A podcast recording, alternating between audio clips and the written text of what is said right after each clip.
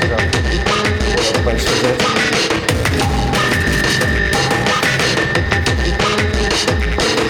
Ja, uit de routine, hè? Twee weken vakantie. Vastigheid meer.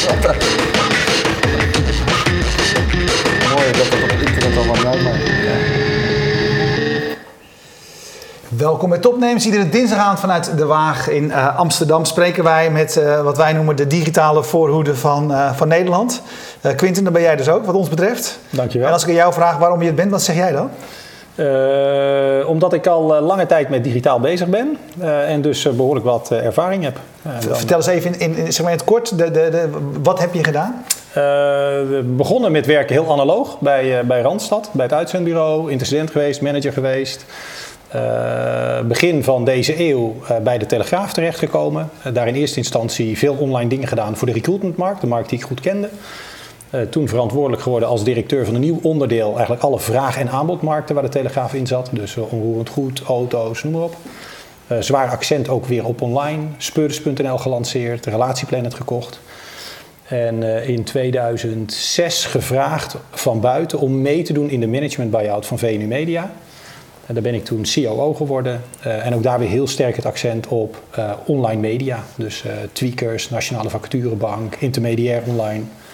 En dat verkochten we in 2012 aan de persgroep. En toen werd ik gevraagd of ik CEO wil worden van Leer. Nou, dat is natuurlijk echt start-up technologie. Ja, En dat heb ik twee jaar gedaan. Vorig jaar, eh, niet vorig jaar, maar het jaar daarvoor. Dus de zomer van 2014 verkocht. En sindsdien heel veel bezig met eh start-up bedrijven. Ja, hey, en eh, we komen op een aantal van die dingen die je net noemde natuurlijk straks nog eventjes terug. Je bent hier nu omdat je recent een, een, een, boek gepubliceerd hebt, eh, Suits en, eh, en, en Hoodies. Eh, eh, gaat over, eh, eigenlijk zeg maar samenvatten wat je, wat je daarvoor zei. Hè.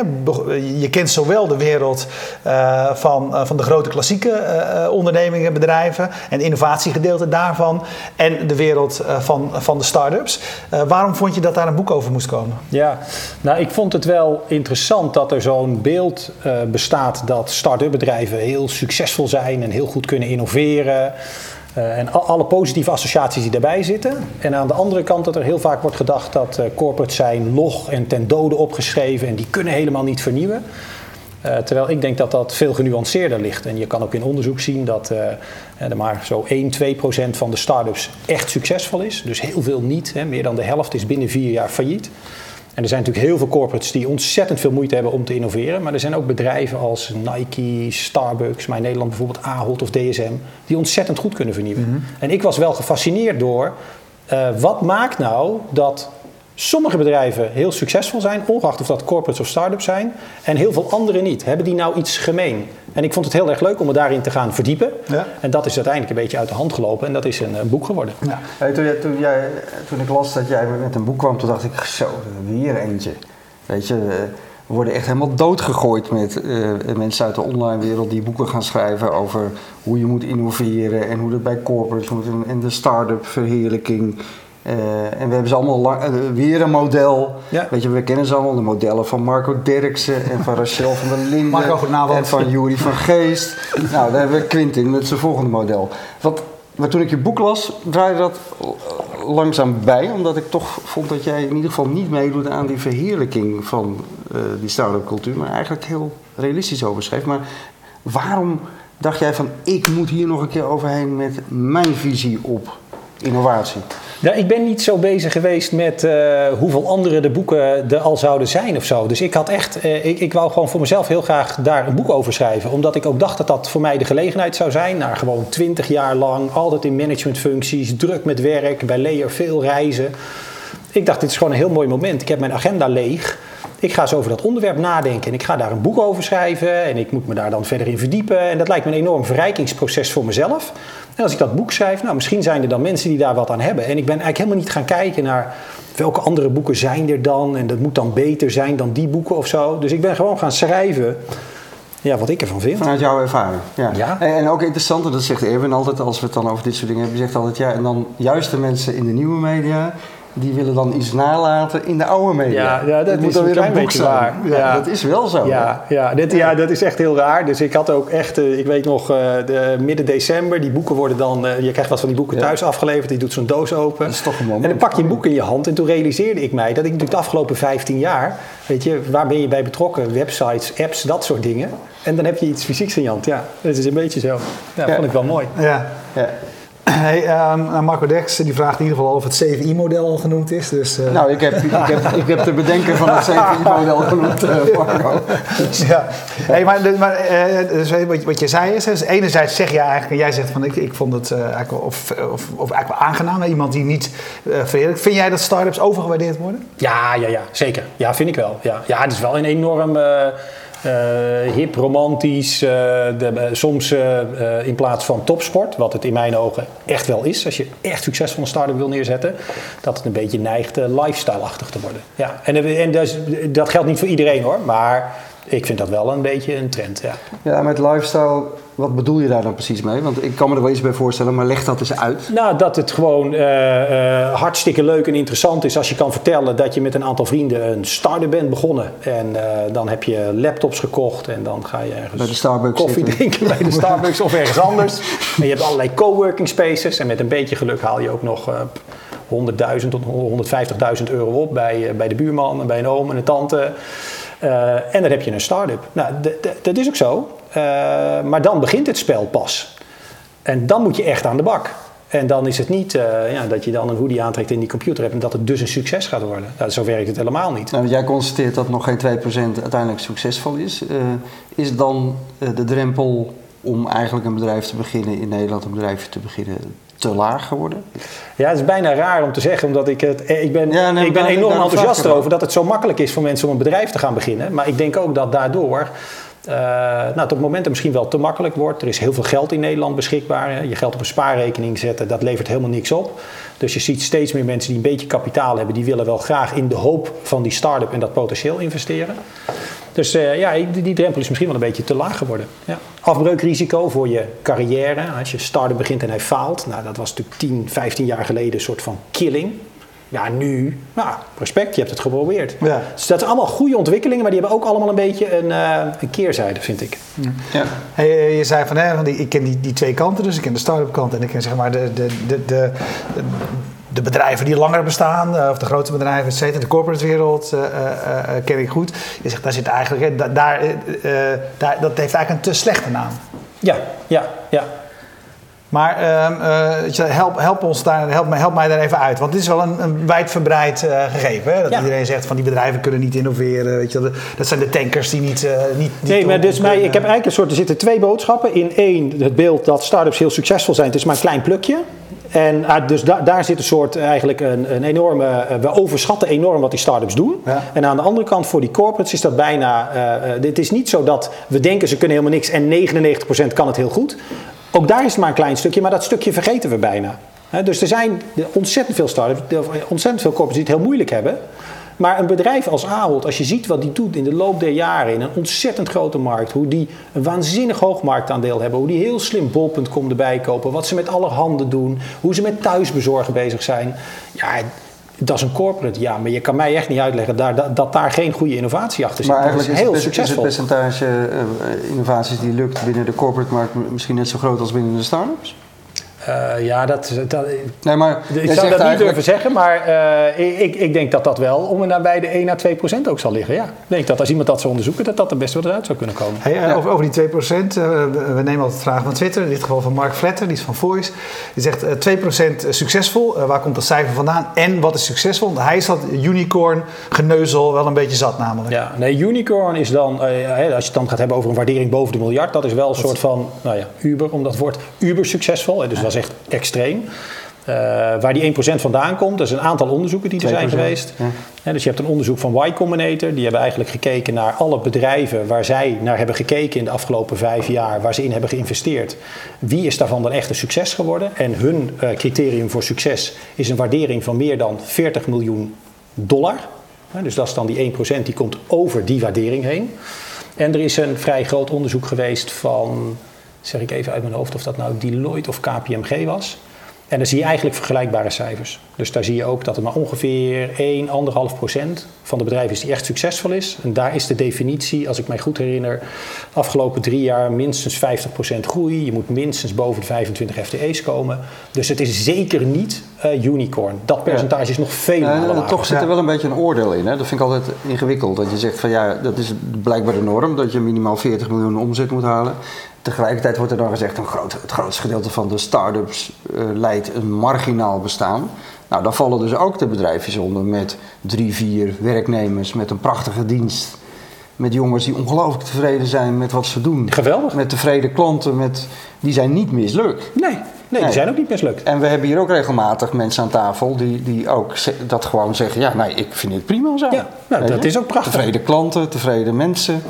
Uh, dus die, maar die suggestie zit er wel steeds een beetje in. Nou, de, nou ja, dat heb ik in ieder geval niet. Dat is nooit mijn doel geweest met het boek. Hè. Dus als je kijkt, ik onderscheid een aantal categorieën. Hè. Er is de categorie die failliet gaat, even grof de helft. Ja, die zijn mislukt. Uh, ja, je hebt dan die ene procent, die wordt dan echt, echt groot. En dat, ja. dat lezen we dan in de krant. Katawiki, ja. Atje, noem maar op. Ja,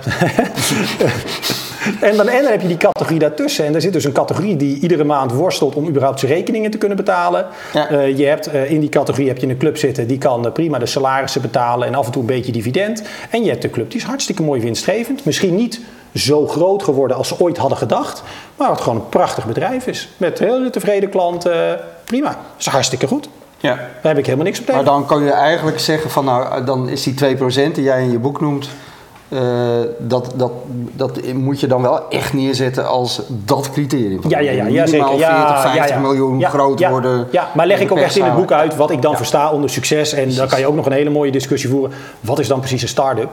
Dus ik heb wel een soort van eh, uitlegdingen in het boek hoe ik dat voor dit boek met dit doel heb geïnterpreteerd. Ja. Even, eh, Marco Dex eh, eh, leest mee, dus kijk even op Twitter, luistert mee en, en zoekt mee. Hij zegt, het was een onderzoek van Deloitte naar start-ups en scale-ups. En hij levert er ook een, een URL bij, dus die zal ik ook nog eventjes, eventjes rond pompen. En jij, je hebt gezegd van, ik heb gekeken naar zowel zeg maar de corporates, waar men goed bezig is met innovatie, met, met, met, vernieuwen, et cetera, en naar die start-ups. En gekeken, waar zitten dan de overeenkomsten? Ja. Zonder dat je in één keer, je zeg maar, wat is een stuk of 7, 8 punten waard volgens mij. Zeven uiteraard. Ja, Zo hoort dat CVI-model- dan. het CVI-model. eh, ja. Eh, en wat is voor jou, als je, als, ik nou, eh, als, ik, als je er nu eentje of twee moet uitpakken, wat zijn de belangrijkste eh, overeenkomsten? Nou, het zijn er, het is eigenlijk boek, dat, eh, het zijn er zeven. En die noem ik in het boek Essentials. Die moet je natuurlijk ook een, een labeltje meegeven, hè, zodat dat dan hopelijk een beetje herkenbaar wordt. Ja, laten we het toch voor de eh, kijker even noemen. Dat is groot dromen, vernieuwen, product, cultuur, talent, focus en funding. En pak er nou eens één of twee uit van ja. Nou, twee belangrijkste zou ik zeggen, product en cultuur. Oké, en, en licht even toe. Ja, dus eh, product, eh, dat, dat is ook, product is ook gebaseerd op, op onderzoek. Wat er gedaan is, dat eigenlijk, van waarom gaat het nou met veel start-ups fout? En dan zie je eigenlijk dat de voornaamste reden dat het fout gaat, is dat het product eigenlijk niet aansluit bij de behoeften van klanten in de markt. Ja, wat is nieuw, denk ik dan. Ja, ja. dus- maar dat geeft wel aan dat dus dat product echt heel erg belangrijk is. Eh, zorgen dat je een product hebt dat echt eh, de eindgebruiker blij maakt.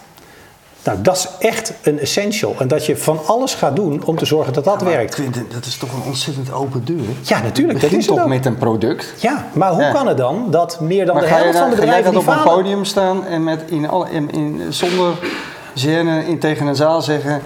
als je een bedrijf begint, let op, je moet een product Ja. hebben wat goed is. Ja, ja. En, en wat is dan een product dat goed is? En hoe kan je dan komen tot een goed product? En met wat voorbeelden van waar zie je dan dat dat fout is gegaan en waar is dat goed gegaan? Mhm. Oké, dan ga je, Waar moet je dan op letten? ga je het hebben over eindgebruikersonderzoek. Nou, dat je niet eh, eh, meteen, wat je vaak ziet gebeuren, eh, meteen heel groot denken, allerlei dingen automatiseren. dan een stagiair het contact met je klant laten afhandelen. Terwijl het veel handiger is aan het begin, als je dat product aan het uitdokteren bent, dat jij zelf, als je een founder bent van zo'n club, gewoon zelf met je klant communiceren. Zelf de vragen stellen, het product van je concurrent gaan gebruiken. Eh, bovenop dat product zitten, openstaan voor de dingen die niet kloppen. ja. Ja, tot achter de komma. En Dus dat zie je lijkt- eigenlijk hele succesvolle het- bedrijven dus doen het dat lijkt een open deur, maar het is, het is er eigenlijk helemaal niet. Ja, het, is een, het is een open deur, maar dat wil niet zeggen dat je het eh, dan ook automatisch goed doet. Dat je automatisch ook door die deur naar binnen gaat. Maar interessant is natuurlijk dat, dat jij nou net bent gaan werken voor Layer. Ja, Hè, En je zou kunnen zeggen van een van de bedrijven waar het niet duidelijk van was. Eh, wat het product was en wie erop zat te wachten. Wel, wel het idee, een ver, ver, ver toekomstvisie zeg maar. Ja. En waarom ben je dat gaan doen? Nou ja, juist omdat dat een van de uitdagingen was die daar lag. Ja, dus kwam- een soort eh, hele veelbelovende technologie en een heel mooi vergezicht. Eh, ja, en dan eigenlijk, eh, ja, wat is nou precies de, de use case hier? Eh, wie kan er wat mee? We Het werd, toen zo'n vaak businessmodel samen, erbij. het werd toen vaak samengevat als het lost een probleem op wat er niet is. Ja, precies. Nou, dat is volgens mij de quote van Raimo zelf. Ja. Ja, Ja. ja. dat, dat was ook echt zo. En, en eigenlijk dan, als dat probleem er dan al was geweest, dan lost het ook niet zo heel erg goed op. Werkte jij, werkte jij toen hij bij ons hier in de, in de uitzending was? Dat hij zo heel eerlijk zit te vertellen van ja, we weten het eigenlijk ook niet. Werkte jij er toen al of niet? Dat weet ik eerlijk gezegd Ja, niet. Het was eigenlijk wel een hele mooie uitzending, herinner ik me nu weer. Ja, ik vond het Misschien dat dat een soort van dat hij toen in ieder geval al wist dat hij weg zou gaan als CEO. Ja, dat dat, zou- zou kunnen. Dat, dat hij zich bevrijd voelt om dat te vertellen. Ja, dat, zou kunnen. Dat, dat, Ja. dat zou kunnen. en en, en ehm, eh, product hebben we gehad. Eh, je hebt uitgelegd hoe dat werkt. Tweede, wat je zei, wat het echt heel belangrijk is, is cultuur. Ja, ja. Eh, is ook een heel breed containerbegrip. Wat bedoel je daarmee? Ja, de, cultuur is heel erg de manier waarop eh, eh, mensen eigenlijk samenwerken. En Ja. dan niet zozeer als het goed gaat, maar als het slecht gaat. Hè. Dus je hebt een keer een voetbalelftal eh, verliest drie keer in de laatste minuut. En wat gebeurt er dan in de kleedkamer? Hoe ga je dan met elkaar om? Hoe zorg je dan dat problemen worden opgelost? En je ziet eigenlijk bij succesvolle bedrijven, ongeacht of dat dan de start-ups of de corporate zijn, dat die een hele uitgesproken cultuur hebben. En mensen daarop selecteren, bepaald leiderschap hebben. Eh, dus dat het ook heel duidelijk is hoe je dingen doet. Hoe je eh, prestaties beloont, eh, hoe je afscheid neemt van mensen als dat moet. Hoe je omgaat met je klanten. Dat zijn dingen die zitten heel eh, diep in een cultuur. Voordat we verder gaan, we gaan hier zo op verder. Je, je moet wel eventjes ingrijpen, Erwin. Heb ik al gedaan hoor. Maar ik heb het even Nee, maar je moet ook even in de uitzending. Ook in de uitzending, ja. Eh, ja Karin Winters eh, zegt, ik heb de start van eh, FMT gemist vandaag, maar ik zie dat er geen biersponsor meer is. Ik zie tandenborstelglaasjes met merkloos vocht. Is er geen bierstart-up? Nou, daar gaan we het zeker nog over hebben. Maar eh, ik heb haar net via Twitter al laten weten dat we juist een hele goede eh, biersponsor hebben. En dat is namelijk Bier Co, Bier Co eh, op Twitter, uit Amsterdam. En die zorgt ervoor dat we elke week een... eh, Ik geef onmiddellijk toe dat we een beetje prutserige glazen ja, hebben. ja, maar- dat ligt aan maar- ons. Dat ligt niet aan de sponsor. Maar ik denk dat je nu wel blij mag zijn dat je dat andere biertje hebt laten staan. Ja, dat dat je de uitzending niet, niet willen zeggen. Nee, maar dit is wel een lekker biertje. Ja, nee, ik vind ook heerlijk. zeggen ook als het niet lekker is. Nee, dat hebben we afgesproken. hè, Want dat is de voorwaarde van sponsoring. Dat is goed. We krijgen eigenlijk iedere week, dat is een beetje het idee, ander bier. Waar eh, wij eh, gaan vertellen van wat we ervan vonden. En we zullen ook gaan probe- proberen te werken aan betere glazen. Zodat het hele verhaal een beetje klopt. Ja, maar dat ligt aan we- ons. Pakken we gelijk even een andere opmerking van Twitter voordat we doorgaan op eh, waar we waren. Ja. Eh, Edgar Muit die vraagt welke eh start-ups zie jij op dit moment voor 2016 doorbreken en welke afvallen? Lijkt me een hele moeilijke vraag, maar Nee, ik, ik, ik zat eh, bij de. Ik bedoel, dat, eh, dat zou niet eh, gepast zijn als ik dat. Ik heb vanochtend zat ik bij een start-up en toen dacht ik, daar- daar was ik echt enorm Ja. van onder de indruk. Ja, Product en team. Alleen, eh, dat, dat, dat, dat kan ik hier niet zo zeggen. Maar Ja, ik vond dat een waardeloze tweet. Vind ik altijd mensen die dan twitteren. Ik zit nu bij een van de bedrijven die het, die het gaat Ik kan er nog niks over zeggen. Nee, maar nee, het was, een nee, het was meer een soort van, dan zit je bij die 1, die 1%. En dat gebeurt niet zo vaak. Dat je echt ergens zit en dat je dan Ja. in de auto terugrijdt en dat je denkt, wow, zo. Maar waarom zou je dat niet zeggen? Nou, omdat zij dat helemaal niet willen. Dat is niet aan Dat mij omdat... zijn niet. Dat, dat wil iedereen nou, toch? Nou ja, ik bedoel, dit, dit is toch niet altijd aan mij om dan eh, dat te gaan vertellen. Vind ik wel. Maar goed, Nee. Eh, even, blijf even cultuur blijven. Want die vraag, eh, ik zie hier bijvoorbeeld Roos van Vught die zegt: Is dat goed, een, goede cultuur? Zij zegt: Waar het wringt ontstaat er ook frustratie en dat kan weer tot innovatie leiden. Maar het punt cultuur, dat is namelijk ook zo'n vaag begrip eigenlijk. Ja. Hè? Nou, eerst even haar vraag: Is het de, een goede cultuur, is dat goed? Nou, je moet wel een hele duidelijke cultuur hebben. Ik denk dat het wel heel belangrijk is dat in een team gewoon duidelijk is hoe, hoe je dingen zeg maar eh, doet. En als je een idee hebt, hoe je dan met elkaar over dat idee gaat praten. En hoe je dan daar uiteindelijk een besluit over gaat nemen. En dat wil helemaal niet zeggen dat je allemaal hetzelfde idee moet hebben of wat dan ook. Maar het moet wel duidelijk zijn van jongens, oké. dan gaan we bij elkaar zitten en dan gaan we de kamer niet uit tot we het met elkaar eens Ja, het zijn. gaat meer over hoe je dingen doet. Ja, het Dat is heel veel hoe, hoe je dingen gaat organiseren. Ja. Het is echt niet zo dat je allemaal... eh, eh, ik vind cultuur niet, iedereen draagt hetzelfde pak of zo. Dat heeft voor mij echt niets met cultuur En dan vraagt eh, Lara Ankersmit, die vraagt wat is, want dat is de titel van je boek, wat is dan het verschil in cultuur tussen de suits en de hoodies? Ja, ja, dat is wel... de- de- ik- als je dat veralgemeniseert... vind ik een heel groot verschil in de... als je kijkt naar de start-ups... eh, daar is een tempo is veel, eh, veel hoger. Eh, ik vind dat veel minder hiërarchisch. Er is veel meer ruimte voor mensen om gewoon verantwoordelijkheid te pakken, dingen te doen. Daar waar het bij corporates is, ja, veel meer dingen zijn er gewoon geregeld. Het is veel hiërarchischer. Mensen vaak kamertjes in plaats van open ruimtes.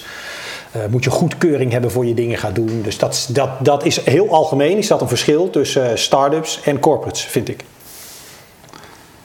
Ik pak nog even een vraag van Twitter en dan kunnen we even door op je eh, model. Eh, Johan Schaap die vroeg net nog naar aanleiding van een opmerking die jij maakte over de corporates, dat er toch ook flink geïnnoveerd wordt. Bijvoorbeeld bij Ahold, daar had je het even over.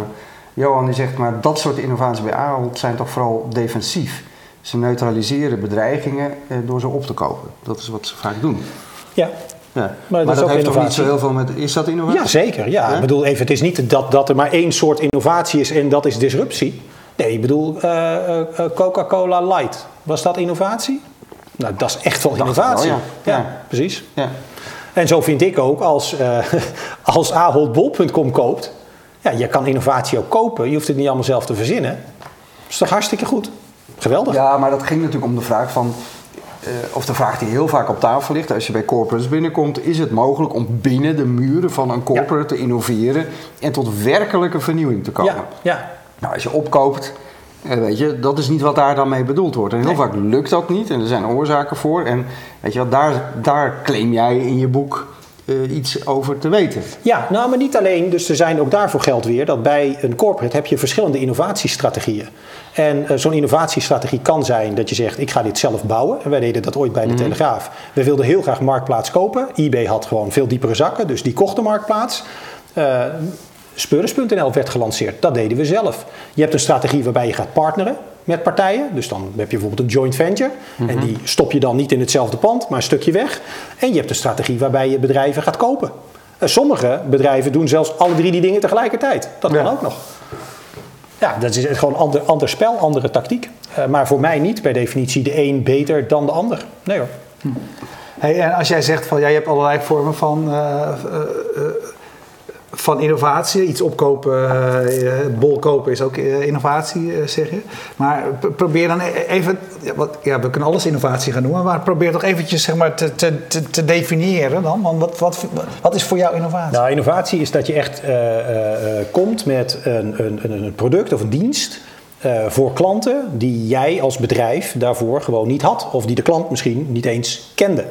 Dus er zit heel erg bij innovatie zit heel veel eh, vernieuwing. Dat is echt iets anders. En dat, kunnen, hè, dat kan iPhone 6 naar iPhone 7. Dat is innovatie. Dat is door innoveren op een nieuw. Het kan ook GoPro zijn. Dat is weer heel iets anders. Maar er zit wel die vernieuwing, beter aansluiten bij veranderende behoeften, andere technische mogelijkheden. Dat, dat is wel echt, dat is wel innovatie. Ja. Ehm, even kijken hoor. Ik zal... Ga ik nog even Ja, verder met een paar lijst. andere dingen. We hebben, je hebt zeven eh, eh, dingen genoemd. ehm, in jouw model die belangrijk zijn bij innovatie binnen, of bij start-ups, maar ook Ja, niet bij, innova- bij Nee, succes. Hè? ja, Dus niet per se bij innovatie, maar bij succes. Succesfactoren, Ja. zo moet ik het zeggen.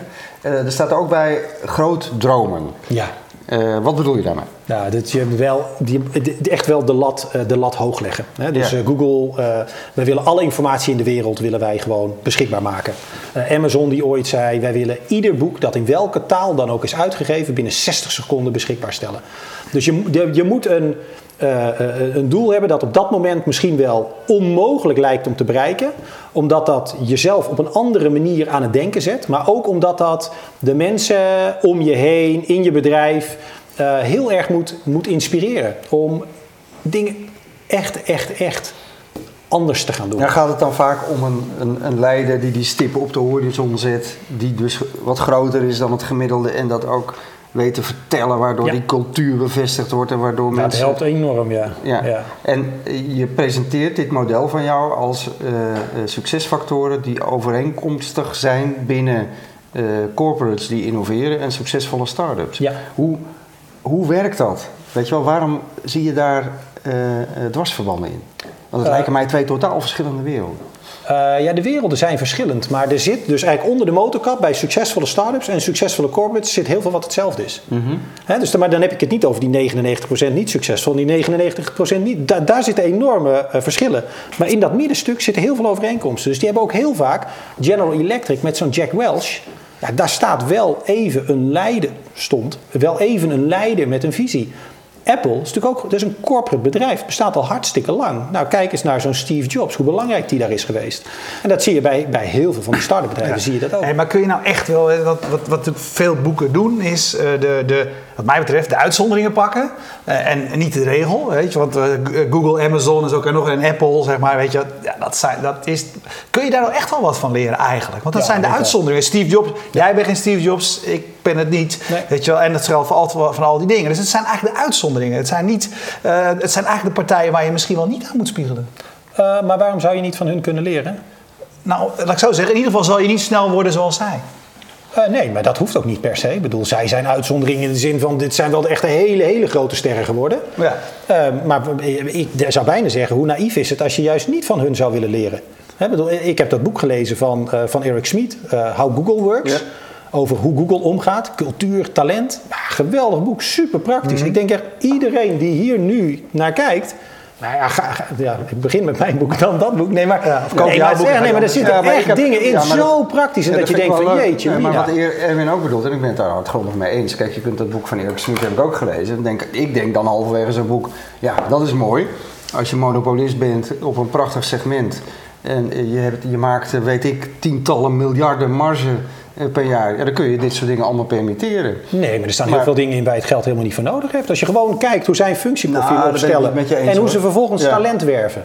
Maar daar heb je helemaal geen geld voor nodig hoor. Dat is gewoon een proces wat ze hebben staan. Wat een ontzettend goed proces is. Wat gewoon ieder bedrijf kan morgen dat proces overnemen. Tuurlijk, maar Kost 9 je van de niks. 10 dingen die ze doen, daar gaat ongelooflijk veel geld in om de beste mensen te krijgen, om al je personeel tevreden te houden, om, weet je, alles mag mislukken, eh, laboratorium hier, een innovatiecentrum daar. Ja, maar het is nog nee, maar zo is, dat, zo is dat boek. eh, hebben wij het over hetzelfde boek? Want Ja, dat nee, zit in dat boek niet zo sterk hoor. een beetje. Ja, een beetje. Nee, heel Ja. erg vind ik. Nee, het is echt. Nee. Nee, maar het is, ik vind het lastig, net als Erwin, om dat, dat gespiegel aan die mega grote, succesvolle eh, technologiebedrijven. Want het is niet Ja, dat mag je vinden. Ja, ik, ben, ik ben het daar niet mee eens. Ik denk dat er ontzettend veel lessen, praktische lessen geleerd kunnen worden van dat soort bedrijven. En ik denk ook, eh, eh, als je het boek gaat lezen, dat je dat enorm gaat herkennen. Nou, ik heb het gelezen. Over jouw boek bedoel je? Ja. dat heb ik Ja. diagonaal gelezen. Nee, en, en- nee, maar, nee, maar ja, nee, dat snap ik. Nee, maar ook als je Mijn kijkt. eigen schuld hoor.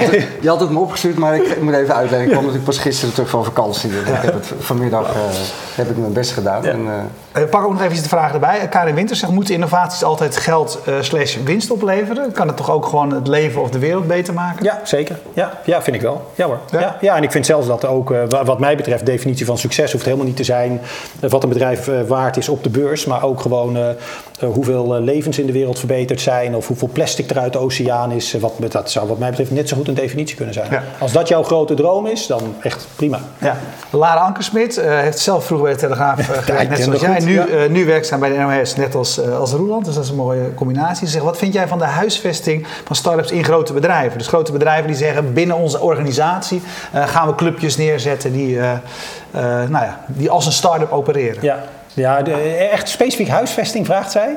ja? Ja, ja, nee, ben ik geen fan van. Nee, dus ik heb eh, toen we bij eh, de Telegraaf Relatieplanet kochten, eh, dat niet naar Amsterdam gehaald, maar gewoon apart laten zitten. En datzelfde eigenlijk gedaan bij VNU, Nationale Vacaturebank in Groningen blijven zitten. Tweakers hebben we heel lang in Amersfoort gehouden, juist om ze toch een beetje weg te houden bij Ja? eh, corporate. Ja, ja. Hey, Marco Nou, dus Derksen jij die bent vindt wel dat... voor dat model om het echt aan de rand te zetten. En niet ja, je moet wel heel voorzichtig zijn dat je het niet eh, dood gaat knuffelen. Ja. Hey, eh, Voor je het weet willen ze ook ATV-dagen en dat soort dingen. Ga je eigenlijk de cultuur gewoon toch een beetje, de kracht van die cultuur van zo'n start-up ga je dan toch een beetje kapot maken. Ja. Hey, eh, de uitzending proberen we altijd een half uurtje ongeveer te maken. Marco Derksen vindt eh, dat we veel interessanter bezig gaan als we in de diepte ingaan op jouw ervaringen bij Randstad Speurders, Intermediair eh, en Layer. Dankjewel. dus we Ja. krijgen eventjes een, een, een, een- van onze redactie thuis een... Ja, nou dan, dat, we, we doen tegenwoordig, eh, eh, althans een plan voor 2016 is om een aantal marathon-interviews te gaan doen. ja. Eh, maar als we dat allemaal willen behandelen, Dan dan, gaan we- denk ik dat we wel vier uur bezig zijn. Ja, dat, ga- dat gaan we niet lukken. Dus wat zullen we daar nog uithalen, Steken? Wat zullen, welke elementen zullen wij deze vraag nog nou ja, ik denk dat, dat voor veel van onze kijkers eh, de, je laatste periode bij Layer het meest aansprekend is. Omdat we natuurlijk ook de founder van Layer, eh Raimo, meerdere malen in de uitzending hebben gehad. En daar veel aandacht Claire is besteed. geweest, Claire eh, Maarten denk ik ook wel, toch? Is geweest, dus is geweest. En, ehm, dat dus voor onze kijkers het toch wel interessant is om misschien daar nog even Ja. over eh, te hebben en even de diepte in te gaan. Want je, nou, je, je noemde het net al even. eh, je, jij kwam bij Leer op het moment dat er eigenlijk die vraag op tafel lag die jij natuurlijk in je boek ook centraal stelt. Van, ja, wat zijn wij aan het doen en waarom en voor wie? Ja. Wat ben je toen gaan doen? Eh, de eerste, ja, dit is heel klassiek. Eh, de, de- in een week eh, praten met iedereen in het bedrijf. Eh, statistieken opvragen. Dus ik, ik wist, Leer hartstikke veel downloads. Ik geloof toen iets van 20 miljoen app-downloads. En ik wou natuurlijk weten, wat doen die mensen eigenlijk? Komen ze terug, komen ze niet terug? Dus we zijn eerst gewoon aan de slag gegaan naar wat vinden mensen in het bedrijf nou eigenlijk zelf ervan? Hè? Wat zijn we goed aan het doen, wat zijn we niet goed aan het doen? En dan harde data erbij pakken. Ja, en toen kon je zien dat we weliswaar heel veel downloads hadden, maar heel weinig activiteit in de app. Dus heel veel nieuwe gebruikers iedere maand. Gewoon omdat dat hele layer-ding, dat, dat, dat zong rond zeg maar overal. Ja. Die kwamen dan één keer binnen en dan hadden ze heel veel moeite om überhaupt iets interactief te krijgen. En daarna dan zagen we ze niet meer terug. Nou, toen was wel duidelijk dat we wel echt een productprobleem hadden. Nou, dan ga je zitten kijken van oké, de paar cases die er zijn waar mensen wel terugkomen, waarom is dat dan? Wat voor content kijken ze dan naar? Wat kunnen we daar dan mee? Waar in het proces haken ze af? Hoe komt dat? Eh, kunnen we dat gaan veranderen of niet? En dan ga je eigenlijk terug, ja, sorry dat ik het zeg, maar eh, terug naar de basis. Ja. En dat zijn we gaan doen. We hebben een aantal markten hebben we uitgekozen waarvan we dachten van oké, er zijn een aantal markten eh, eh, waar we misschien de klant echt iets te bieden hebben, waar we waarde kunnen toevoegen. En we hadden een lijstje met een aantal randvoorwaarden in het product die beter moest. Dus het moest echt sneller worden, de image recognition moest echt beter worden. Dus we hadden randvoorwaarden en klantgroepen. Ja. Hey, maar als je daar dat, dat, nu zegt, hè, van je hebt inderdaad je hebt de klant gevonden. En die klant was in mijn beleving, hè, dus op de laatste fase ging het heel erg over het verrijken van eh, print. Hè? Ja, Eh, ja. dat was echt een ding. Dus zo- zoals, als ik er een klein beetje cynisch naar kijk, denk ik, jullie hebben het heel slim gedaan. Want je had eigenlijk je hebt een, een groep, die, een stervende groep, zeg maar. En bijvoorbeeld, jullie hebben de laatste strohalm geboden. eh, zodat jullie eigenlijk prima aan, aan die uitgevers konden verkopen. Jongens, dit gaat je blad nog een tijdje lang. eh, meegeven. waar is, waar is urgentie, waar is brand. Ja. Ja. Maar, als we ook heel eerlijk zijn, is dat niet gelukt. Eh, nou ja, is- in zoverre... De, de, de we- layer is, zeg maar, in die zin is het natuurlijk geen... eh, niemand, ik, ik heb nog nooit iemand zo een tijdschrift zien lezen. Er, er, er is eh, nog geen enkele speler in augmented reality, nog in virtual reality vandaag de dag die op grote schaal gebruikers heeft. En dat geldt ook voor Leer. Ja. Het is heel moeilijk daar om gewoon nu hele interessante use cases te maken. Welke use case dan ook. Gaat dat niet komen? Dat gaat zeker komen. In 2016 zou dus het jaar kunnen zijn dat virtual reality, dat we dat echt steeds meer gaan zien. Maar het kan ook nog wel een jaar of drie, vier duren. Maar dit, ja, dat geldt ook voor Leer. Ja. Ja. Ja. Nee, het is een moeilijke case. Ja. Maar we, kregen, we hadden heel veel klanten, we hadden een heel groot SaaS-product, we deden serieuze omzet. eh, Dus we, we, we hebben er nog best wat van gemaakt. Ja. Maar dat is niet, als je nou hebt, hè, van is dat dan in de categorie succes? Vallen ze onder die 1%? Ja. Nee. Eh, nee, nee, maar eh, het gaat nog door. Nog Layer, niet. Layer is niet weg. Nog niet. Layer zit samen met Blippar. En dat is echt wel de wereldmarktleider in dat gebied. Eh, maar laten we over drie, vier jaar maar eens kijken. Ja? Ik denk dat, ja, Jij ziet er nog steeds wel veel gebeuren. Nee, zei, Lip- Blipper heeft eh, van de zomer eh, 60, 70 miljoen euro funding opgehaald. Ik bedoel, dat is natuurlijk niet, dat is niet geld wat iemand zomaar erin stopt. Daar, daar is echt wel over nagedacht. ja, maar goed, Layer had ook heel veel geld opgehaald. Ja, maar niet zoveel. Dit is echt wel heel Ja, veel meer. maar wel Ja. 15 miljoen toch? Of Ja, dat was ook wel serieus geld. Ja, dat is, dat is serieus. Geld. Ja, ja. zeker. Ja. Dus- Eh, dan tot slot, Ja. eh, wat mij betreft, eh, ik ben even terug naar het begin. eh, je boek, eh Startups. Een beetje je kritiek op de laagdrempeligheid van de start-up cultuur. En dat het gebrek aan afbraakrisico. Dat veel mensen ook als een lifestyle zijn gaan zien. In de interview zei je, eh, als je een start-up begint dan, en je wil succesvol zijn, dan moet je op leven en dood gaan. ja. Eh, dat is een goede tip, denk ik, voor mensen. Heb je er nog een? Eh, nog één. Want Nou, dit, zegt ja, eigenlijk, ja. dit zegt alles. Hè? Dat betekent Ja. alles aan de kant en gaan. Ja, je moet er echt voor gaan. Ja, ja, Elon Musk zegt ik ergens een keer in een interview... eh, de start-up opbouwen is alsof je glas zit te eten. Het is gewoon echt keihard, keihard werken. En je krijgt eh, teleurstelling en je hebt te weinig geld. En er gebeurt van alles. Eh, maar dan moet je doorzetten, doorzetten, doorzetten. Ja. Eh, en dan het enige wat ik echt aan zou willen toevoegen... is dan terug naar die essential van, van product. Gewoon echt focus, focus op die klant. Gewoon op die eindgebruiker. En niet meteen op schaal, maar gewoon een paar. Je hebt maar een paar gebruikers. Waar, Ja. En als je daar aan de praat krijgt, dan kan je gaan schalen. Dus groot denken, maar klein beginnen. Ja, helder. Ja, Steven, we doen eigenlijk, wel- ik stel eigenlijk voor dat we eigenlijk een beetje gaan doen zoals het vroeger was deden. We sluiten nu gewoon af. En wie nu live kijkt, pakken we nog een paar vragen mee eh, Ja, die we nu op, eh, Ja. op Twitter hadden. Dus mensen die live kijken moeten ook beloond worden. Diegenen die on demand kijken, nou ja, dan weten ze dat ze er dinsdagavond eh, bij moeten zijn. Hey, bedankt. Dus we praten zo nog eventjes door met de vragen die hier nog langs komen. Kijk je nu live, blijf kijken. want we doen altijd twee interviews op een avond. Dus zo direct gaan we natuurlijk verder.